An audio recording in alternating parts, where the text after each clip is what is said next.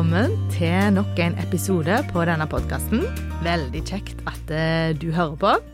Gjerne er det første gangen du hører, eller gjerne har du hørt noen episoder før. Det er iallfall uansett veldig, veldig gledelig for meg at du gidder å høre på eh, det som jeg har å si. I dag sitter jeg her alene. Det er andre påskedag, eh, og det er ganske strengt med nedstengning og besøk her på Haugalandet i forhold til korona. Derfor så har jeg ikke invitert noen gjester eh, per i dag. Men det kommer mer etter hvert, det lover jeg. Jeg har mange spennende personer som har takka ja til å være gjester på denne podkasten, så det er veldig kjekt at du følger med.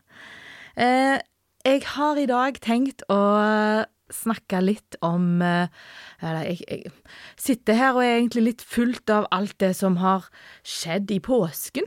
Eh, og så tenker jeg litt sånn Jeg har egentlig litt hvert år litt sånn Har det egentlig gått opp for meg hva påskens budskap egentlig handler om? Har jeg forstått det?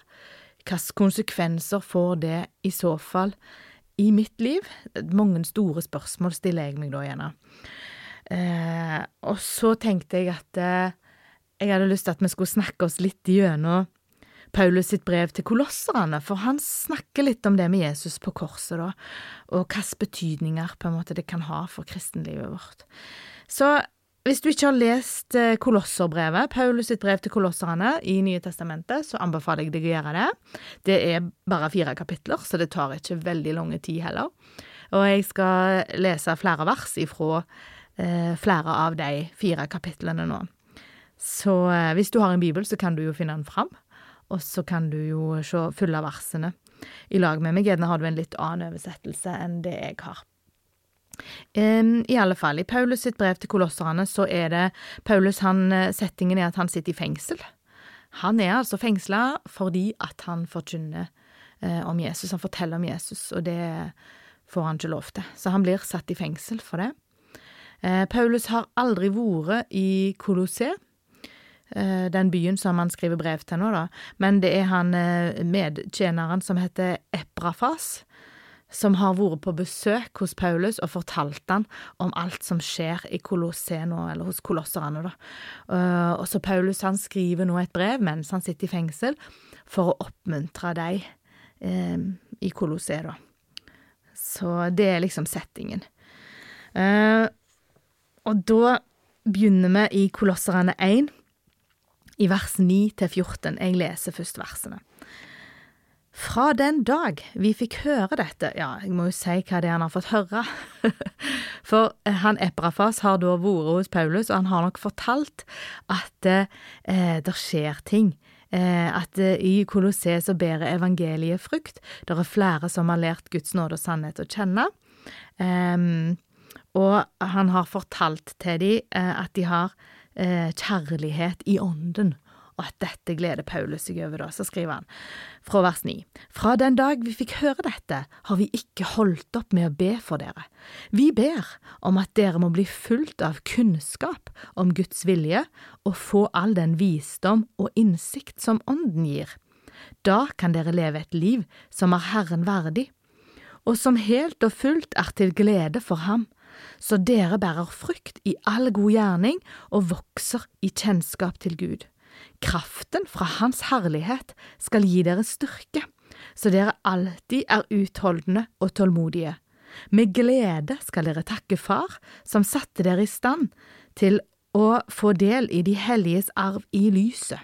For han har fridd oss ut av mørkets makt og ført oss over i sin elskede Sønns rike.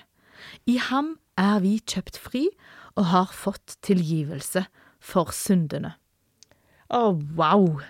Her er det så masse utrolig godt som står, syns jeg, og som jeg syns at det er oppløftende å lese i mitt liv òg, da. Eh, Paulus han ber om eh, at folkene i Kolosseum må bli fulgt av kunnskap om Guds vilje, og få den innsikt og visdom som Ånden gir. Og tenk, det kan vi få òg, og vi kan òg be om det. Og, og, når vi på en måte får tak i det, Så i vers 10 så kan vi leve et liv som er Herren verdig, og som faktisk er til glede for Han. Tenk at det går an å leve et liv som er verdig og til glede for Gud, og at det går an å bære frukt i god gjerning. Mens du vokser i kjennskap til Gud. Sant? Det er jo ofte noe vi ber om, eh, tenker jeg når vi er kristne samles, at vi vil at vi skal bli mer kjent med Gud, at vi skal vokse i kjennskap til Han. Og her står det da at det går altså an. Um, og så står det videre i vers 11 at kraften ifra Hans herlighet skal gi oss styrke. Det står ikke at vi skal klare det av oss sjøl og i egen kraft, men kraften fra Hans herlighet skal gi oss styrke, sånn at vi alltid kan være utholdende og tålmodige, og det sier Paulus, som nå sitter urettferdig fengsla. Og så tenker jeg da, ja, hva er det i mitt liv som jeg trenger kraft og herlighet til? Og det er sikkert mange ting, sånn at jeg òg kan være utholdende og tålmodig. Og med glede skal vi takke Far som satte oss i stand til å få del i lyset, da. For det er Han som har fridd oss ut av mørkets makt og ført oss over i, i Gud sitt rike, i sin elskede sønns rike, Jesus sitt rike. For i ham har vi kjøpt fri og har fått tilgivelse for syndene. Så Det var det som skjedde når Jesus døde på korset. Han kjøpte oss fri eh, og gav oss tilgivelse for syndene. Og vi ble, når vi tror dette, så er vi satt inn i Gud sitt rike. Det er akkurat så, Du kan si du er norsk fordi du bor i Norges rike, og så bor du i Gud sitt rike. Du lever i Gud sitt rike. Og i Norge så er det liksom et sett med lover som gjelder, regler, sant. Det er fartsgrenser på ulike områder, og, det, og du blir sånn og sånn straffa hvis du bryter loven på den og den måten, eller eh, Ja, det er en del regler som gjelder i Norges rike, men så er det en del regler som gjelder i Gud sitt rike òg. Eh, og når du har på en måte fått del i Når du har tatt imot Jesus, når du er en kristen, så er meg og du satt over i Guds rike, og så er det de lovene og reglene som gjelder der. De må vi ha kjennskap til. Hvordan virker de lovene? For gjerne så kjører vi for fort, sant, eller gjerne så ja, går vi glipp av noen gode ting i det riket hvis ikke vi kjenner reglene. Sant, at vi må få vi må vokse i kjennskap til Gud, at vi må få den innsikt som Ånden gir, for denne Ånden har vi fått. Vi, har, vi som er kristne har fått Den hellige ånd, som kan være med å gi oss innsikt og visdom. Og så er det å lære seg å på en måte skille på dette, da. Sant? Hva er det som er mitt eget, og hva er det som er Og, og dette står det mer om um, i de versene her. Uh, så for vi skal um, se litt videre. Men det jeg har lyst til å si her, da, er at det, altså Kraften ifra Hans herlighet skal gi oss styrke, vi skal ikke gjøre det i egen kraft, og vi skal i glede få takke Far som har gjort oss i stand til det, for det er Han som har kjøpt oss fri. Så skal vi hoppe litt til Kolosserne 2, og i vers 8, eh, vers 8 til 10, så står det Pass på at ingen får fanget dere med visdomslære og tomt bedrag som stammer fra menneskelige overleveringer og grunnkreftene i verden, og ikke fra Kristus, for i hans kropp bor hele guddomsfylden, og i Han som er hodet for alle makter og åndskrefter, har dere fått denne fylden. Altså her, her, advarer på en måte Paulus eh, kolosserende, men òg oss. Eh, han advarer oss mot å, bli fanga i eh, menneskelige regler, overleveringer og grunnkrefter i verden. For det kommer ikke ifra Kristus, sant. Um, det kommer ifra oss. Og det kan være mange ting som er uh, på en måte de tingene, da. Uh, men det må vi passe oss for står det her. Vi må passe oss for at eh, vi ikke blir fanga eh, i det, for det er tomt bedrag. Og det er grunnkrefter i verden, sant, og det rokker nok ganske Det er ganske sterke krefter, grunnkreftene i verden.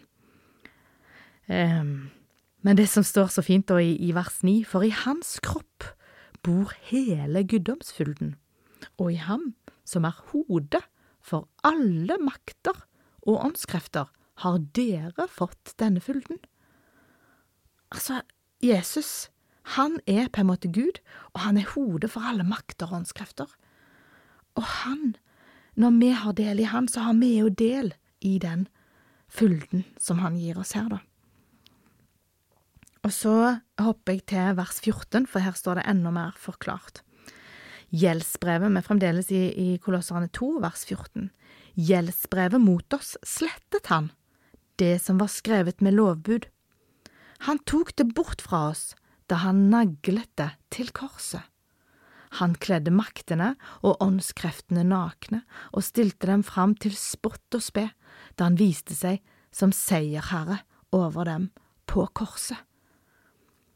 Altså, det var det egentlig som skjedde. I Guds rike, når du er en borger i Guds rike, så var det sånn at egentlig så var det et gjeldsbrev mot deg her. Hvis du skulle komme nær Gud, så, så kunne du ikke det fordi det var et gjeldsbrev mot deg.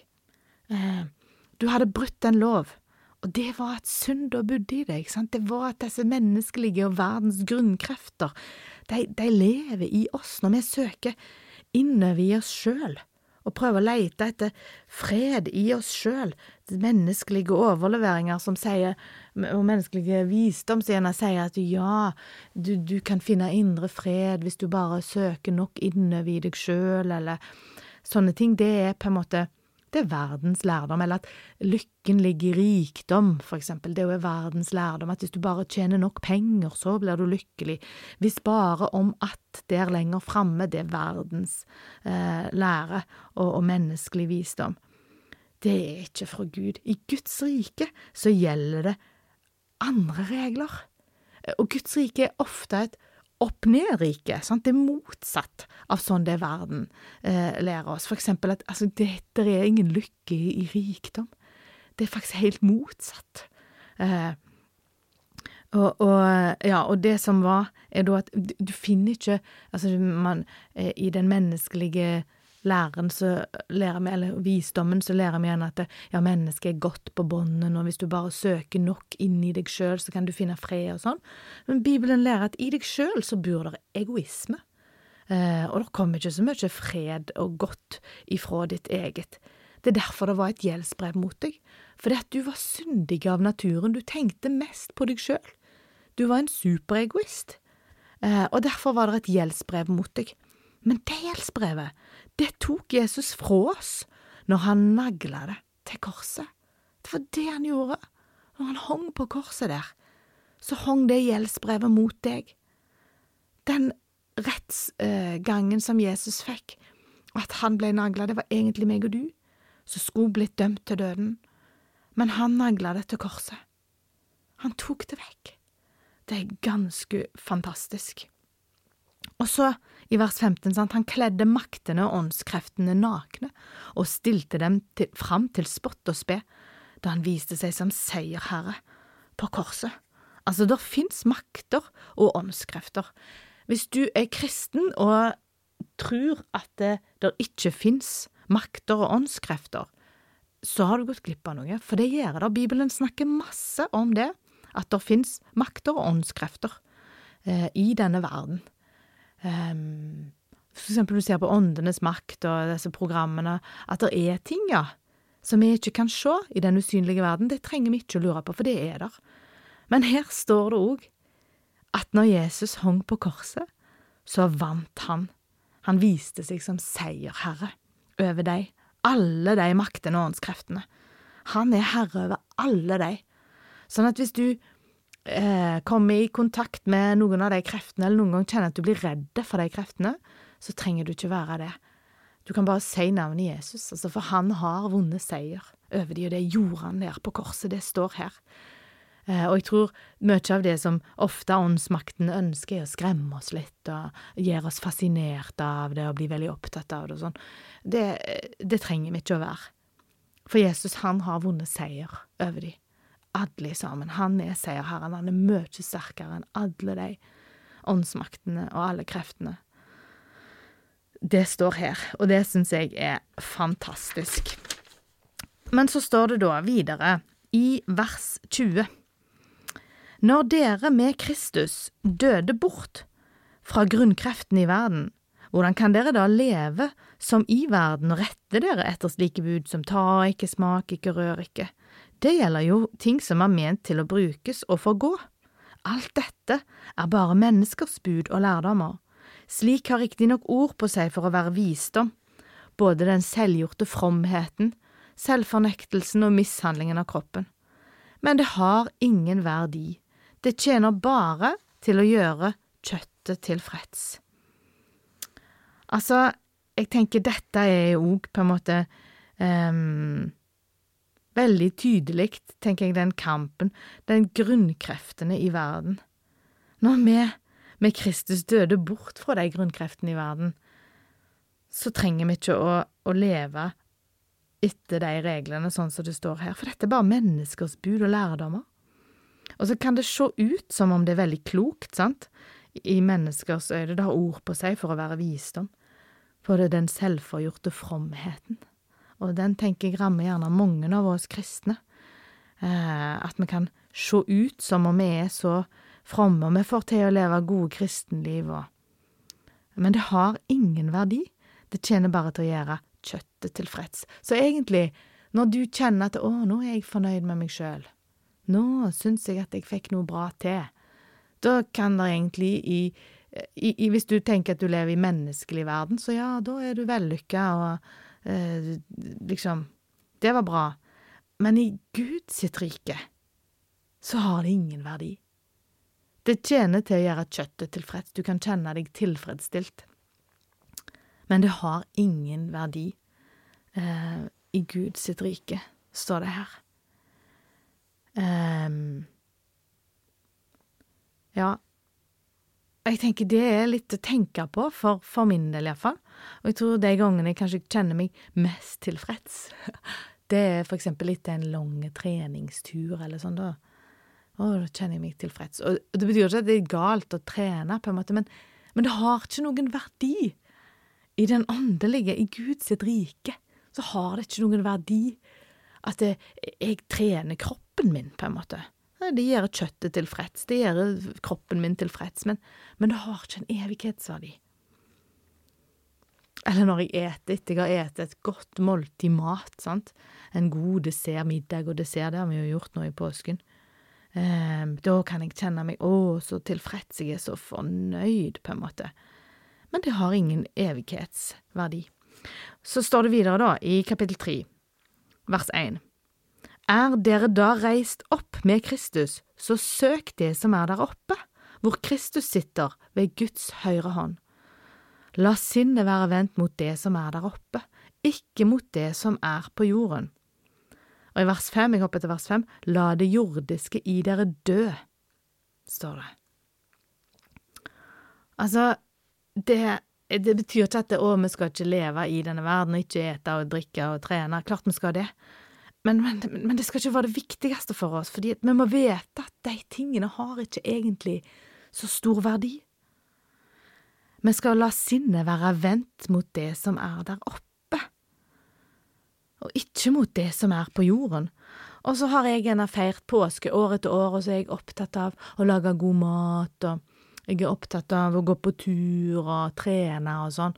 Og så setter jeg meg ned og så lurer jeg på hvorfor, hvorfor ikke påskens budskap betyr mer for meg. Nei, det er jo ikke rart, det, for jeg har jo ikke søkt det. Jeg har jo ikke vært opptatt av det i det hele tatt. Jeg har latt sinnet mitt være vendt mot det som er på jorden, og ikke mot det som er der oppe. Altså, hvis jeg, hvis jeg, hvis jeg skal gjøre det som Paulus sier her, så må jeg forstå prioriteringer her, jeg må forstå hva som er viktig. Og det betyr ikke at vi ikke skal gå tur og glede oss over god mat, for det skal vi, men vi må vite at det er ikke det viktigste.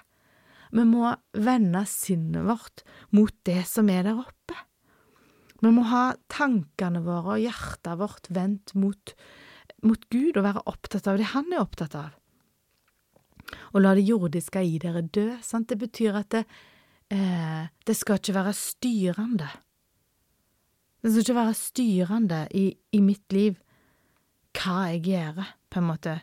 Eh, og, og det, det, som står som eksempler her, det hor og urenhet, lidenskap, ondt begjær, grådighet.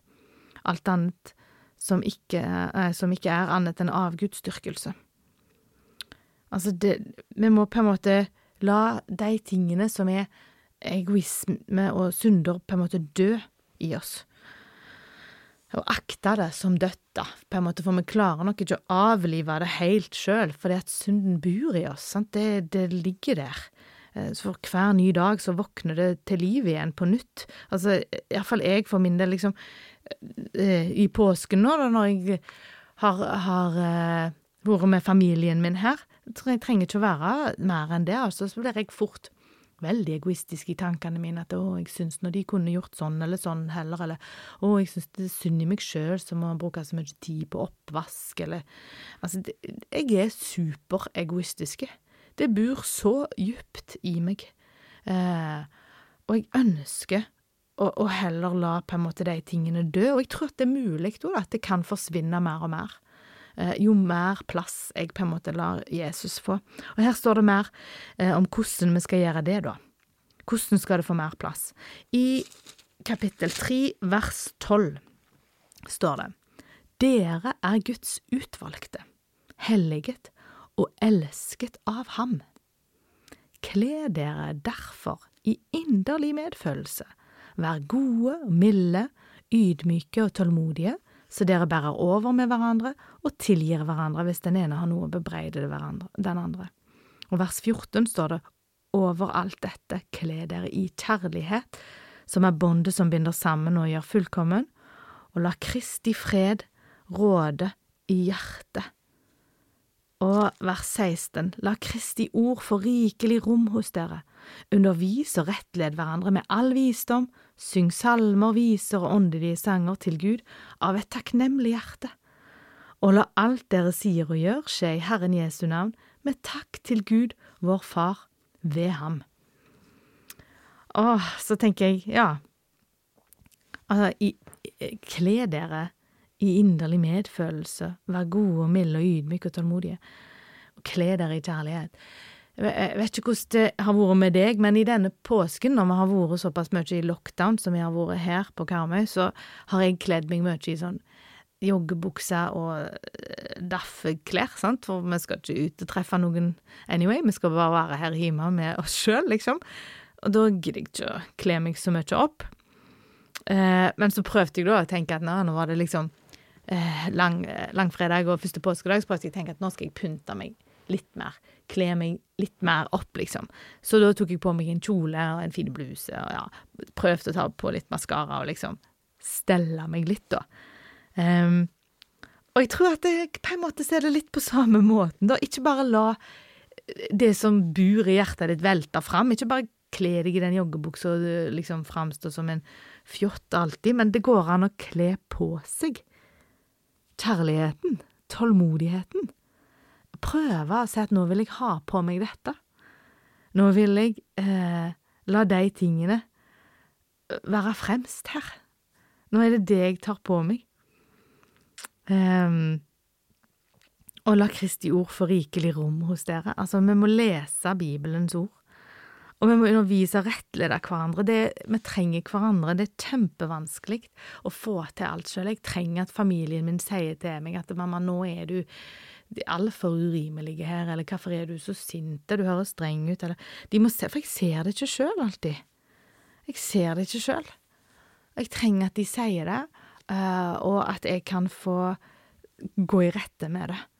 Uh, både med Gud og med de som jeg gjør urett mot. Og så kan jeg få lov å synge til Gud av et takknemlig hjerte.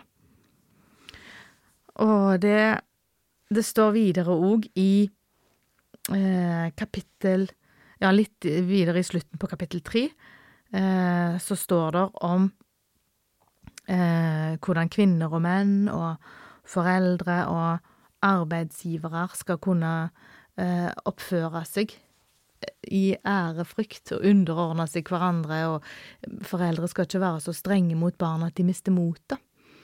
Eh, og vi skal ikke bare være øyentjenere som gjør mennesker til lags, står det i vers 22. Men av et oppriktig hjerte og i ærefrykt for Herren så skal vi adlyde de andre rundt oss. Eh, og det står faktisk i vers 23, alt arbeid skal dere gjøre helhjertet, for det er Herren og ikke mennesker dere tjener. Og nå sitter jeg her i dag, og jeg skal på arbeidet mitt i morgen igjen. Eh, og mange kan gjerne kjenne på at eh, å, nå har det vært godt med ferie, da er det tungt å komme i gang igjen med jobb. Eh, og det kan det være. Men her står det at alt arbeid skal dere gjøre helhjertet, for det er Herren og ikke mennesker dere tjener.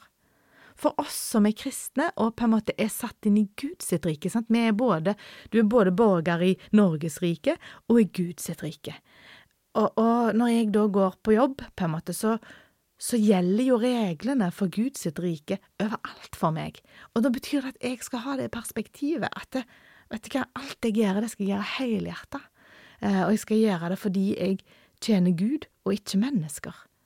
Eh, og når jeg står og vasker opp hjemme, da, eller jeg skal vaske enda mer klær, det blir en stor haug med skitne håndklær når det er åtte voksne i et hus, sju voksne i et hus, det, å, men da skal jeg få lov å helhjerta rydde på vaskerommet mitt og vaske klær. Og gjøre det fordi jeg tjener Herren, og ikke fordi jeg eh, kjenner mennesker. Det er perspektiv, altså. Da, da, kan vi gjøre ting med ærefrykt. Um, og, og, det får på en måte større mening og større verdi. Og så står det videre i kapittel fire, vers to. Vær utholdende i bønn, våk og be med takk til Gud. Be også for oss at Gud må åpne en dør, ja. Og så står det eh, vers fem. Gå fram med visdom blant dem som står utenfor, og bruk den dyrebare tiden godt. La alt dere sier være vennlig, og la det ha salt og kraft, så dere vet hvordan dere skal svare hver enkelt. Å, jeg tenker dette er så viktig eh, å gå fram med visdom. Vi må be. Vi må be. Det står mange plasser at dere har ikke fordi dere ikke ber. Det er så mye kraft i bønnen. Og Den må vi ikke undervurdere, altså. Og jeg tenker ei tid som dette, når vi er mye hjemme i lockdown, og jeg kan bare si meg sjøl, det er unnskyldninger hele veien på hvorfor jeg ikke ber. Eh, men vi trenger å bruke tid i lag med Gud, i bønn til Han, og med takk til Han.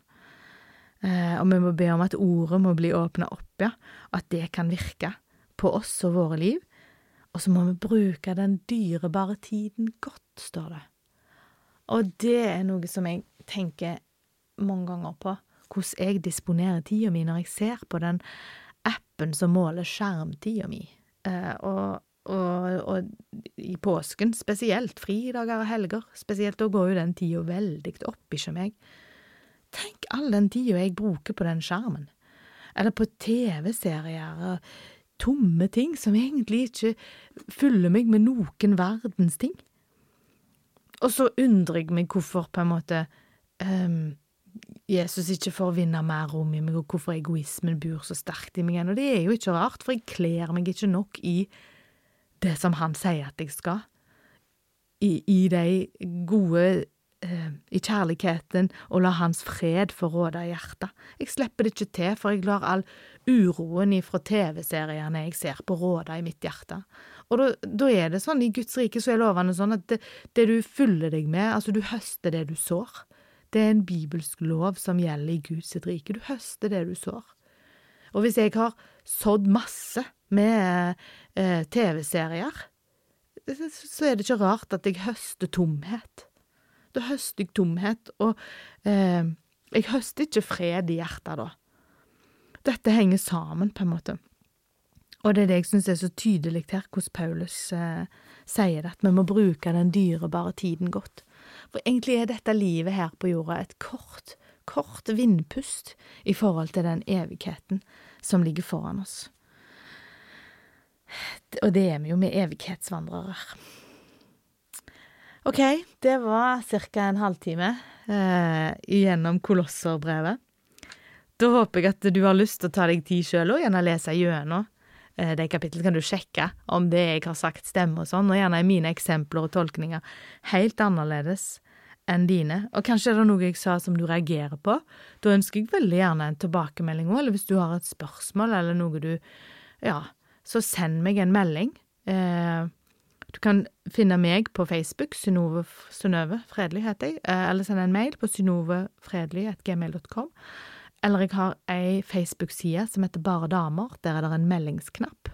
Du kan uh, trykke på den, så sender du en melding til meg der òg. Ja, men eh, jeg ønsker gjerne tilbakemeldinger. Jeg håper at du har eh, hatt en fin påske. Og at du eh, fortsatt henger med og hører på podkastene mine. Og at eh, Jeg håper at, at ordet får virke i livet ditt òg, du som har hørt på. Og har jeg lyst til å be til slutt. Gode far, takk for ordet ditt. Takk for eh, at eh, alt er skrevet ned, og at vi kan få lov å få lese mer av det og prøve å la det få gjelde i våre liv. Takk for at det er du som er kraften som skal virke. Takk for at det, i ditt rike så er det sånn at vi skal bare gi opp og si vi får det ikke til. Det er det som er nøkkelen, å bare si Jesus, jeg får det ikke til sjøl. Og så kan, kan du komme med din kraft. Det er da din kraft får virke, når jeg gir deg plass. Og Herre, jeg ber om at du må fortsette å, å, å virke og lede i livene til de som hører på. Du ser hver og en som hører på denne podkasten nå. Du ser situasjonen som de står i, du ser livene deres. Du vet alt, Herre. Og Herre, jeg bare ber om at eh, kraften ifra din herlighet kan få lov å lyse vei i livene deres. Du ser hva hver enkelt trenger, og du vet det bedre enn vi vet det sjøl, Herre. Mange ganger så tror vi at vi vet liksom Nå tror jeg at jeg trenger sånn og sånn, og så vet du noe annet som er bedre. Takk for at vi kan få lov å bare gi livene våre til deg og ha tillit til at du vil lede. Og det ber vi om nå, Herre. Vi ber om din ledelse i livet til hver enkelt av de som hører på nå. Ber om at ditt ord får virke, at det at Den hellige ånd kan åpne ei dør til ordet inn til hjertene, sånn at det får treffe og virke sånn som du ser at det trenger og at det skal. Og jeg takker deg for det du gjorde på korset. Takk, Jesus, for at du tok gjeldsbrevet som var mot oss, og nagla det fast til korset. Takk for at du var villig til å lide den vonde døden på korset og at du da har kjøpt oss fri. Takk for den seieren som du vant da, Jesus. Takk for at du er seierherre over døden og over alle åndsmakter og over alt.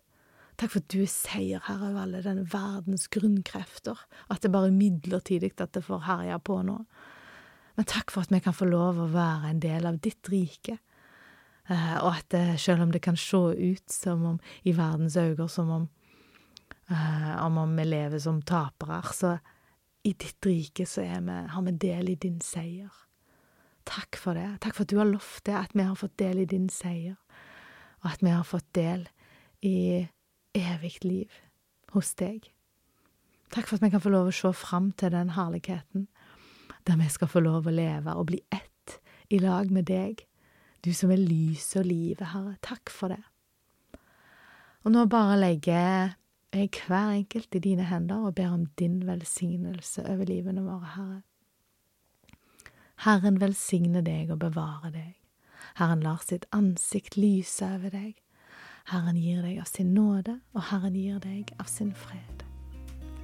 Amen. Takk for følget.